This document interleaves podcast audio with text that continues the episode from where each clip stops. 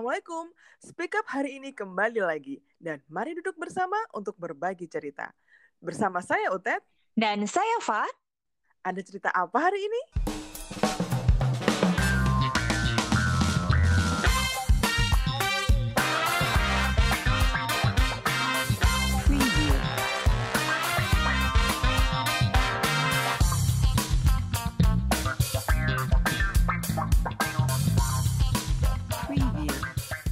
Hai Bunfa. Hai Bunda Utet, gimana kabarnya hari ini? Alhamdulillah hari ini baik banget. Semua berjalan lancar. Anak-anak aman. Aman semua? Oh, sudah aku amankan semuanya. Uh, senang banget ya, sudah lama kita tak bersua ya nggak sih? Lama sekali. Tapi akhirnya kita bisa ngobrol-ngobrol lagi. Cerita-cerita lagi di sini bareng Speak Up-nya Mercusuar Kids. Dan pastinya dengan anggota baru. Selamat datang di podcast kita. Salam kenal ya, by the way. Salam kenal semuanya dan buat bunda-bunda di luar sana. Dan juga eh, akan sering-sering mendengar suara saya ya nggak, Bunda Utet? Iya dong. Terima kasih loh sudah ditemenin karena akhirnya saya punya teman untuk ngobrol banyak hal, untuk bercerita banyak hal. Kayak bulan ini nih adalah bulan Januari, tapi beberapa bulan lagi juga menjadi awal tahun ajaran baru. Nah, biasanya ini ibu-ibu, bunda-bunda semua sudah mulai siap-siap nih.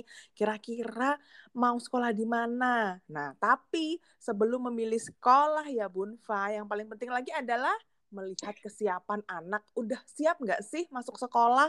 Betul, dan kayaknya itu drama semua ibu-ibu. Ya kan, Bun?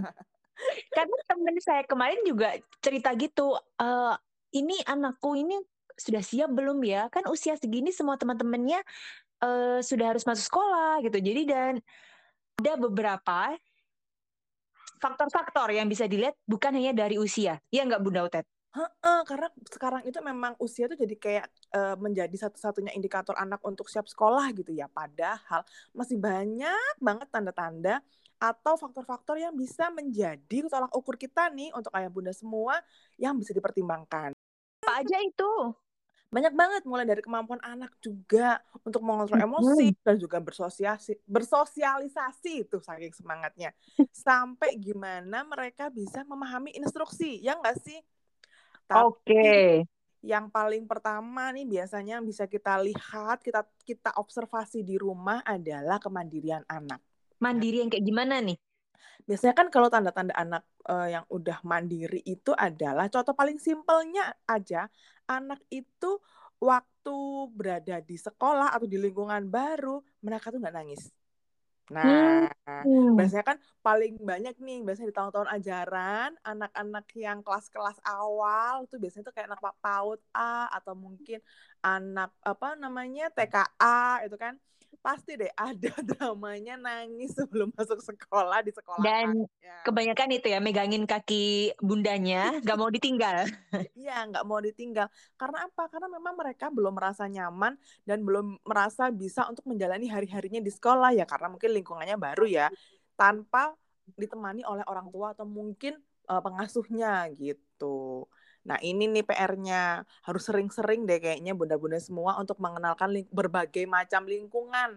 Nggak Oke, berarti bisa dengan cara kayaknya sering-sering diajak hangout, misalnya ke taman, kayak gitu ya, Bun ya?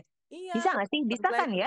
alun-alun kota. Jadi mereka supaya sering eh, apa ya melihat orang lain selain anggota keluarganya. Tapi memang kalau kemarin memang agak Hmm. susah ya karena kan pandemi kan. Selain mandiri sebenarnya ada lagi loh Bunda Utet, yaitu gimana anak sudah lulus toilet training. Hmm. Wah ini penting nih, ini penting.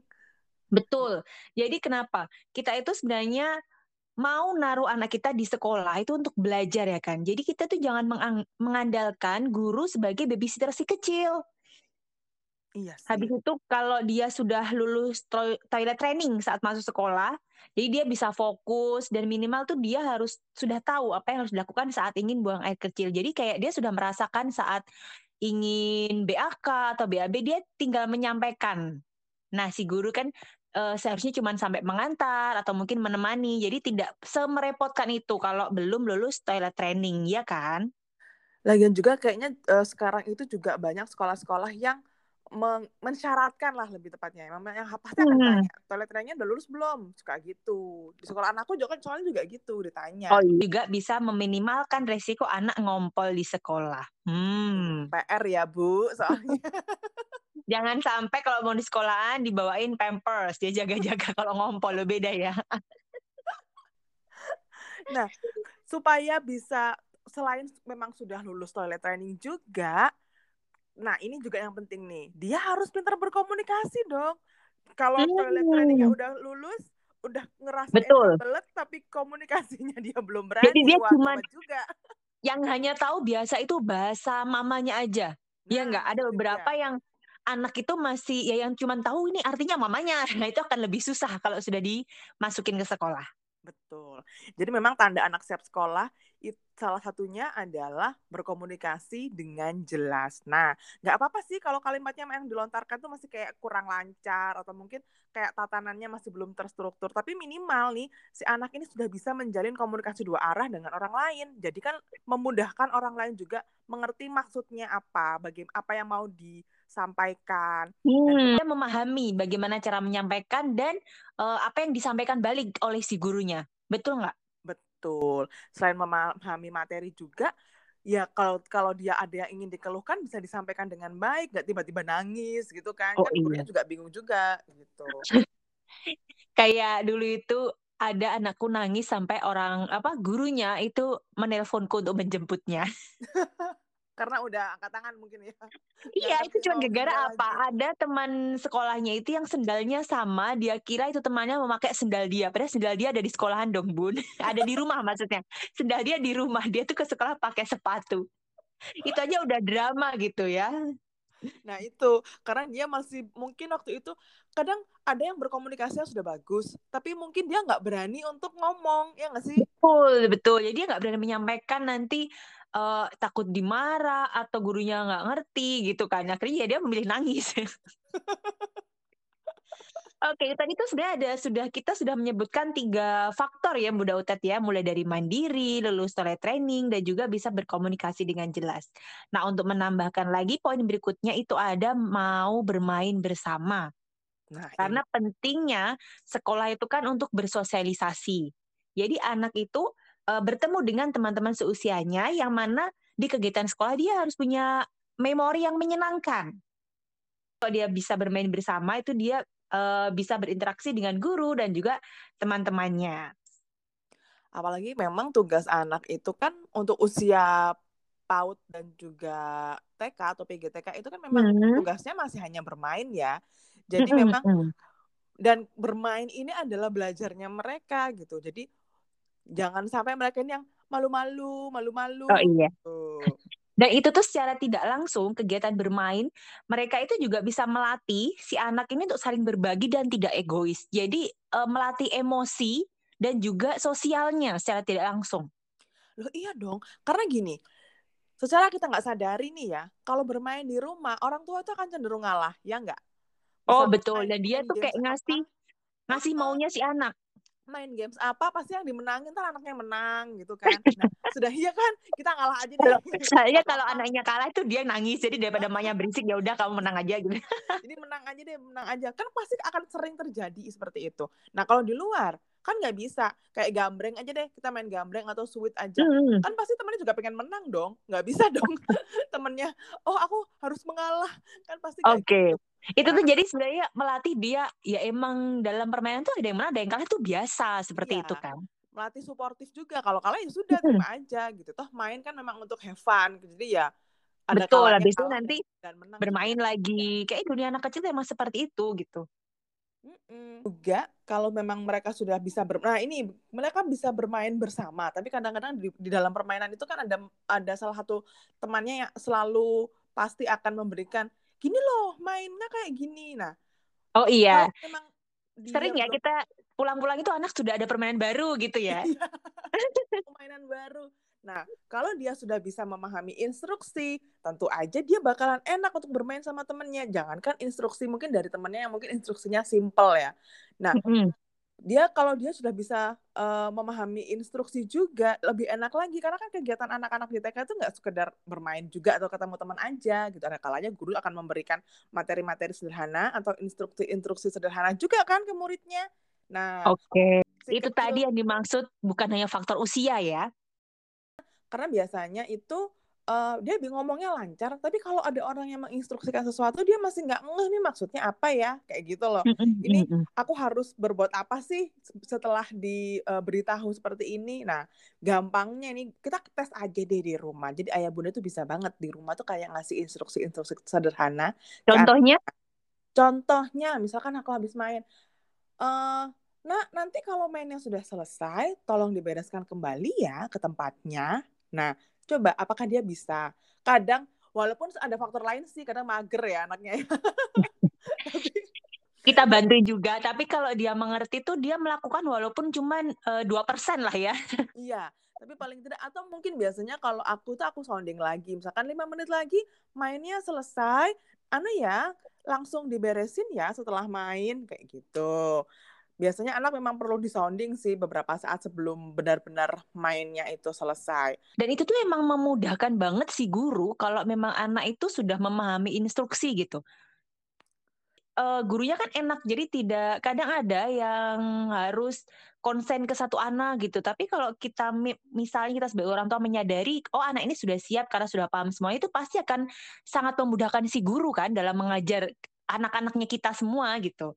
Mm-mm, betul. Nah, nih kebetulan aku tuh tipe orang tua yang menjadikan guru itu adalah partner dalam memberi pendidikan ke anak. Jadi hmm. karena karena gini, aku nggak tahu ya, ini pendapatku pribadi. Karena menurutku ada beberapa orang tua yang kayak bahasanya apa ya, pasrah gitu aja ke gurunya ya udahlah ya penting aku udah bayar sekolahnya. Oh iya betul. Udah banyak urusan, banyak banyak. uh, urusan urusannya sekolah urusannya guru gimana? Anakku dididik udah selesai titik itu urusannya aku terima beres kayak gitu kan? Ada sebagian. Padahal itu itu sebelum di sekolah itu ada namanya yang harus kita bangun baik itu rumah tangga. Jadi memang dari rumahnya itu yang harus dikuatkan sebelum memasukkan ke sekolah Mm-mm, bener. Memang harus ada bekal lah istilahnya ya. Ya. Ada bekal dulu dari rumah untuk supaya mereka juga merasa bahwa mereka tuh pede di sekolah, bahwa aku sudah mandiri, aku bisa, aku siap masuk sekolah untuk bertemu guruku, teman-temanku hmm. gitu. Betul. Nah, karena kita harus berjalan beriringan sebenarnya ya bahasanya ya, Bun ya. Mm-mm. Jadi, Jadi itu tuh pater banget sih. Benar. Nah, kita yang di rumah sebagai orang tua itu juga harus ngelihat si anak ini sudah mempunyai beberapa kemampuan motorik, mulai dari motorik halus dan juga motorik kasarnya. Nah, contoh beberapa itu kayak yang sering kita latih kayak si anak ini sudah mampu belum memegang alat tulis dengan baik, terus hal kecil seperti menyusun puzzle, serta juga bisa permainan yang membangun blok-blok bertumpuk itu, Bun. Nah, itu tuh juga bisa dilihat uh, kemampuan motorik anak si anak untuk uh, dimasukkan ke sekolah dan dia juga aktif bergerak misalnya sudah punya keseimbangan yang baik bisa melompat berlari menendang jadi dia akan bermain dengan temannya itu lebih happy lagi gitu Iya, padahal kadang-kadang ada orang yang mikirin anaknya mainnya gitu-gitu aja. Padahal sebenarnya di dalam permainan-permainan anak-anak itu, itu semuanya itu adalah mengasah stimulasi motorik mereka loh. Gitu. Benar. Apalagi kalau untuk anak yang kayak PAUD dan TK ya. Karena itu kan dipersiapkan dipersiapkan untuk masuk SD nah SD itu kan harus apa namanya lebih tahan lama untuk duduk lama nulis megang alat tulis lama. Nah itu tuh dilatihnya kan dari TK itu sebenarnya. Eh jangan jangan salah nih. Aku tuh baru aja baca artikel bahwa mm -hmm sebenarnya kenapa sih anak SD itu nggak bisa duduk dengan tenang? Ternyata hmm. kalau untuk usia SD tapi dia masih belum duduk bisa uh, dengan tenang, berarti masa kecilnya itu belum kenyang untuk lompat-lompatan oh. atau untuk bergerak bebas. Bayangin dong, berarti kesimpulannya adalah pada saat usia PGTK anak lagi lo senang-senangnya melompat, berlari, kemudian kemudian apalagi ya bergerak lah ya anak-anak bergerak itu memang harus jadi memang harus mereka sudah kenyang dulu, mereka sudah puas merasakan itu semua sehingga nanti di jenjang SD mereka bisa duduk dengan tenang. Oke, dan itu juga sebenarnya cara si anak untuk berolahraga secara nggak langsung. Kan kalau kita yang orang tua ya olahraga yang kita lihat ya olahraga gitulah mau senam mau apa tapi kalau anak-anak itu olahraganya cara membuang energinya ya dengan itu sebenarnya bun Mm-mm. jadi memang ya memang kalau menurutku juga sih memang karena masih usia segitu memang lagi aktif-aktifnya ya. Iya ya jadi nggak bisa kalau liatnya nggak bisa diam? Ya namanya anak-anak kan emang dia dasarnya emang harus bergerak. Karena ya memang capek ya liatnya ya. Tapi ya gimana memang memang lebih baik seperti itu daripada dia beneran cuman diem dan main HP doang. Ah setuju setuju bun. apa namanya bikin bikin stimulasinya dia tuh terhambat gitu loh. Ya enggak sih? Ya, karena itu iya. kan cuman komunikasi satu arah kan. Mungkin dia ngerti apa maksudnya si YouTube atau tontonannya tapi kan dia tidak bisa mengembalikan komunikasinya. Beda kalau dia main sama orang. Entah itu Oh. ibunya kah orang tuanya kah pengasuhnya kah terserah deh. Pokoknya main sama orang. Anak saya kalau di rumah itu sudah naik-naik di jendela eh, saya biarkan juga makanya aku kalau bilang eh, kalau ada temen ke rumah nih, jangan harap rumahku itu bersih. Pokoknya kalau siang itu rumahku udah kayak kapal pecah it's okay Tuh, baby.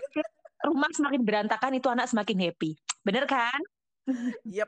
Jadi yang penting setelah eh, mainnya selesai kita ajak mereka untuk beresin lagi. ya yes itu juga sebuah instruksi. Selain itu apa lagi bunda Yang paling penting yang perlu digarisbawahi juga adalah Hmm? setelah semua semua mungkin wah ini semua anakku udah masuk nih bun. Mulai dari mandiri anakku mandiri cek. Anakku lolos training toilet training ya pastilah bun.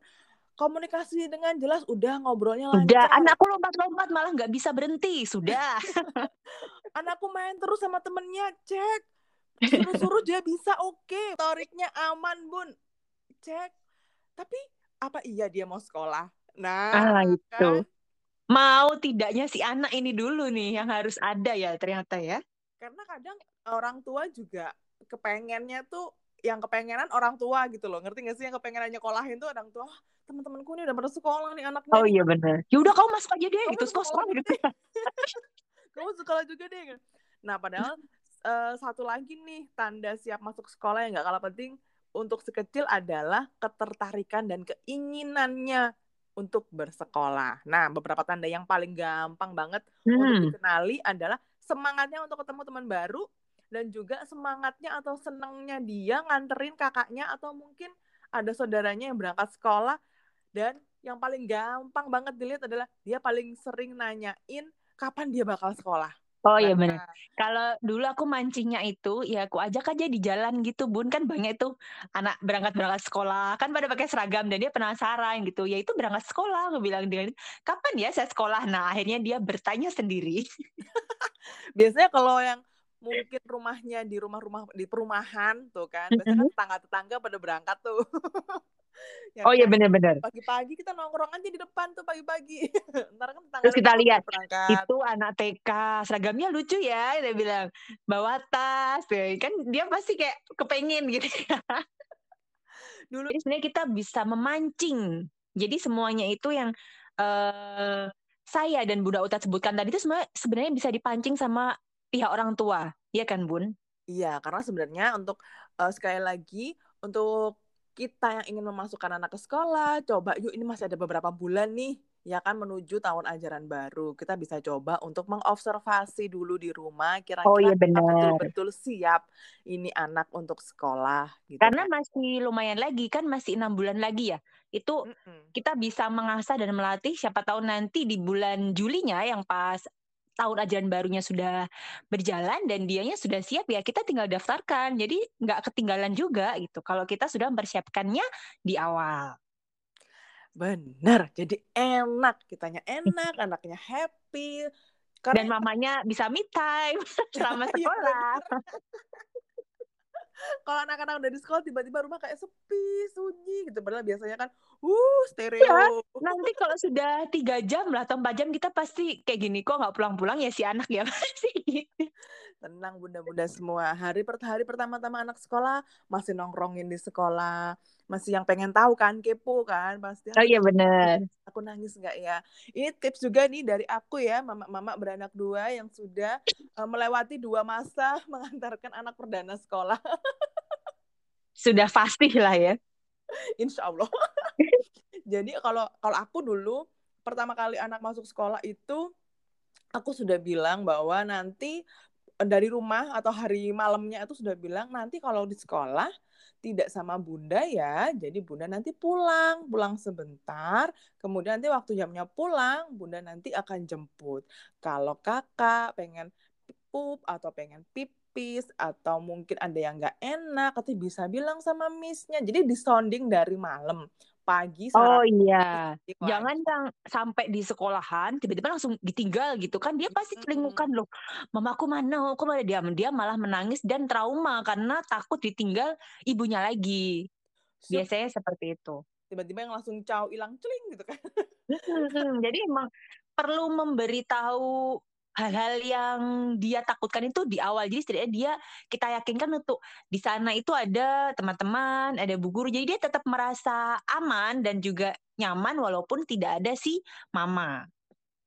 Nah, selain itu juga nanti kalau misalkan terdengar suara tangisan di dalam, biasanya kan sukses tuh awal masuk. Nah, tiba-tiba nangis di dalam. Beberapa menit kemudian ya. itu sih kalau aku ya, uh, kalau aku tuh kemarin itu tidak ngintipnya itu jangan sampai ketahuan. Jadi kalaupun memang benar-benar pengen ngintip banget, ngintipnya jangan sampai ketahuan si anak. Biasanya anak udah udah tenang, udah aman, ketika dia tahu ada mamanya ngintip, itu biasanya gitu ada drama-dramanya. Semakin nggak diem ya, semakin kenceng biasanya kalau lihat ada mamanya gitu. Iya, makanya. Jadi kalau aku dulu udah aku lepas apa namanya, terus aku bilangnya bunda pulang dulu ya nanti bunda jemput lagi dia masuk padahal aku masih di lingkungan sekolah sih sebenarnya hmm. ngintip-ngintip dikit nanti kalau kedengeran ada suara-suara tangisan itu kalau aku pribadi aku nggak akan langsung masuk atau aku nggak akan langsung ke anakku gitu loh aku okay. lihat dulu dari luar apakah missnya bisa handle kalau missnya oh, iya. angkat tangan sudah nggak bisa baru kita yang handle dan sebenarnya itu gitu. secara nggak langsung tuh melatih si anak untuk problem solvingnya, kan untuk menenangkan dirinya sendiri dan percaya sama si guru dan juga lingkungan baru. Mm-mm. Supaya mereka juga bisa tahu bahwa kalau di sekolah ada missnya ini atau ada gurunya ini sebagai ganti bundanya sementara di sekolah. Dan oh yang, betul. Dan yang nggak kalah penting lagi adalah menjemputnya untuk di minggu-minggu pertama jangan telat. Jangan telat. bener-bener. Tapi kadang itu ada yang um, mama lain itu jemputnya kecepatan bunda.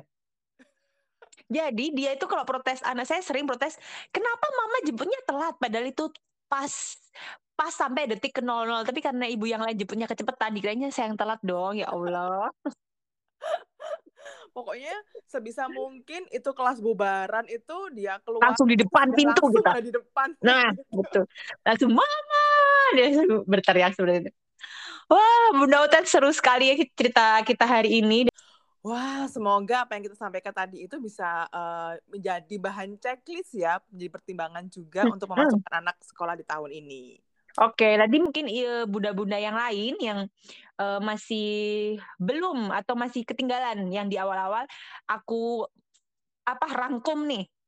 Jadi yang tadi saya dan Bunda Utet sampaikan tuh ada tujuh poin anak untuk siap sekolah selain kita lihat dari usianya, yaitu ada kemandirian, terus bisa lulus toilet training dan juga bisa berkomunikasi dengan jelas, yang pastinya untuk berkomunikasi dua arah ya, bunda-bunda semuanya. Dan yang keempat kita ada uh, si anak ini harus sudah mau bermain bersama entah teman-teman seumurannya ataupun dengan guru-gurunya dan juga bisa memahami instruksi dan kemampuan motoriknya sudah terasah lancar dan yang paling tidak kalah penting yaitu si anak harus sudah menunjukkan keinginannya untuk bersekolah. Oke, kayaknya sudah cukup hampir 30 menit kita berdua menemani Buddha-Buddha semuanya dalam speak up hari ini. Dan kayak kita harus pamit ini Bunda Utet ini. Ah, tenang. Besok-besok masih ada lagi speak up yang akan bahas topik yang lebih keren lagi. Oh iya, dan dan jangan lupa Bunda, ada satu kalimat yang bagus nih. Taking care of yourself is part of taking care your kids. Dan dari Mercusuar Kids, saya Fa. Saya Utet. Pamit. Wassalamualaikum warahmatullahi wabarakatuh. Bye-bye.